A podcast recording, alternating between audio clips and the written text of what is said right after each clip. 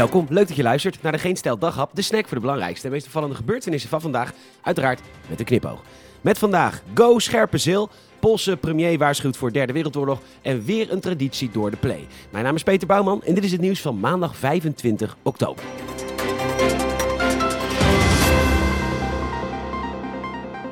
Kijk, zo gaat het wel vaker in narco-staat Nederland. Provinciale staten en de commissaris van de Koning willen graag dat dorpen fuseren. In dit geval Scherpenzeel en Barneveld. De bewoners die willen dat niet. 82% is tegen en dat kwam naar voren middels een referendum. Scherpenzeel wil die corona-hoesters uit Barneveld niet in hun gemeente. Klaar. Maar commissaris van de Koning en de provinciale staten wilden dit dus wel.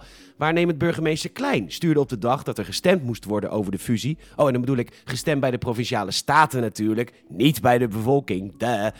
Op die stemmingsdag stuurde de gemeente een mail naar de provincie Pobo's met het verzoek om nog even te kijken of er voldoende draagvlak is.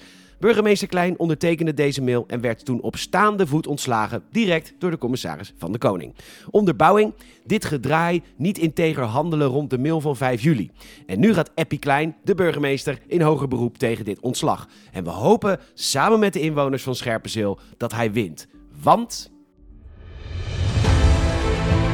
Scherpenzeel, de parel van de Gelderse Vallei. De plek waar Huis Scherpenzeel met volle trots staat. Ooit gesticht door de heren van Scherpenzeel. Een van de oudste riddersgeslachten op de Veluwe. In de Tweede Wereldoorlog is er veel verwoest, maar toch bleven de Scherpenzelers krachtig staan. Thuishaven van zowel VV Scherpenzeel als SV de Valleivogels. Goed voor spetterende derbies, maar ook een gebroederlijk biertje na het eindsignaal. Henry Schut werd er geboren. Je weet wel, die zeer kundige sportjournalist. Zeven kerken sterk staan jullie voor je eigen dorp, identiteit en gemeente. En jullie hebben gewonnen. De fusie gaat niet door, strijders van Scherpenzeel. Wij zijn trots op u.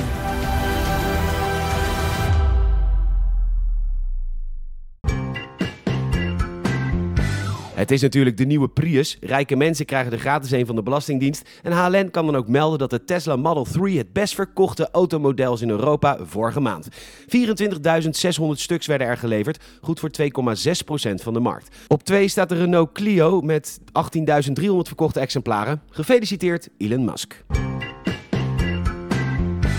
De Poolse premier Morawiecki waarschuwt de Europese Unie voor het aanzetten tot de derde wereldoorlog als de geldstroom naar zijn land door Brussel wordt geblokkeerd. Dat meldt de T. En ik weet niet of u de beelden nog kent van toen Duitsland met tanks Polen binnenreed en de Polen te paard met sabel de lak van die dingen probeerde af te slaan. Stomme kuttank, ga weg. Succes Polen. Het is een prachtige Zeeuwse traditie, het rapen van zeegroenten en schelpdieren. Het wordt allemaal wat te gek, niet verwonderlijk ook, want per persoon mag je gewoon 10 kilo van dat spul rapen. Dit moet volgens de provincie terug naar 2,5 kilo, dat meldt de NOS. Waarom? De druk op de natuur is gigantisch, al dus gedeputeerde Anita Pijpelink. De vogels moeten die oesters eten, wat toch te denken zet, want wijlen mijn kater at mij al arm met bijvoorbeeld piramidevormige moes met zalm, overgoten met saus of hartig torentje met eend en tomaat of delicate bouillon met echte stukjes tonijn en nou leven die teringvogels op een dieet van fucking oesters. Wat is er mis met een stuk zeewier verwend stuk bontbek plevier?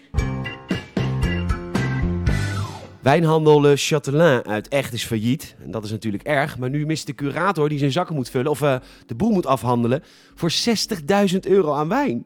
Ik bedoel, 60.000. Heb je enig idee hoeveel fles?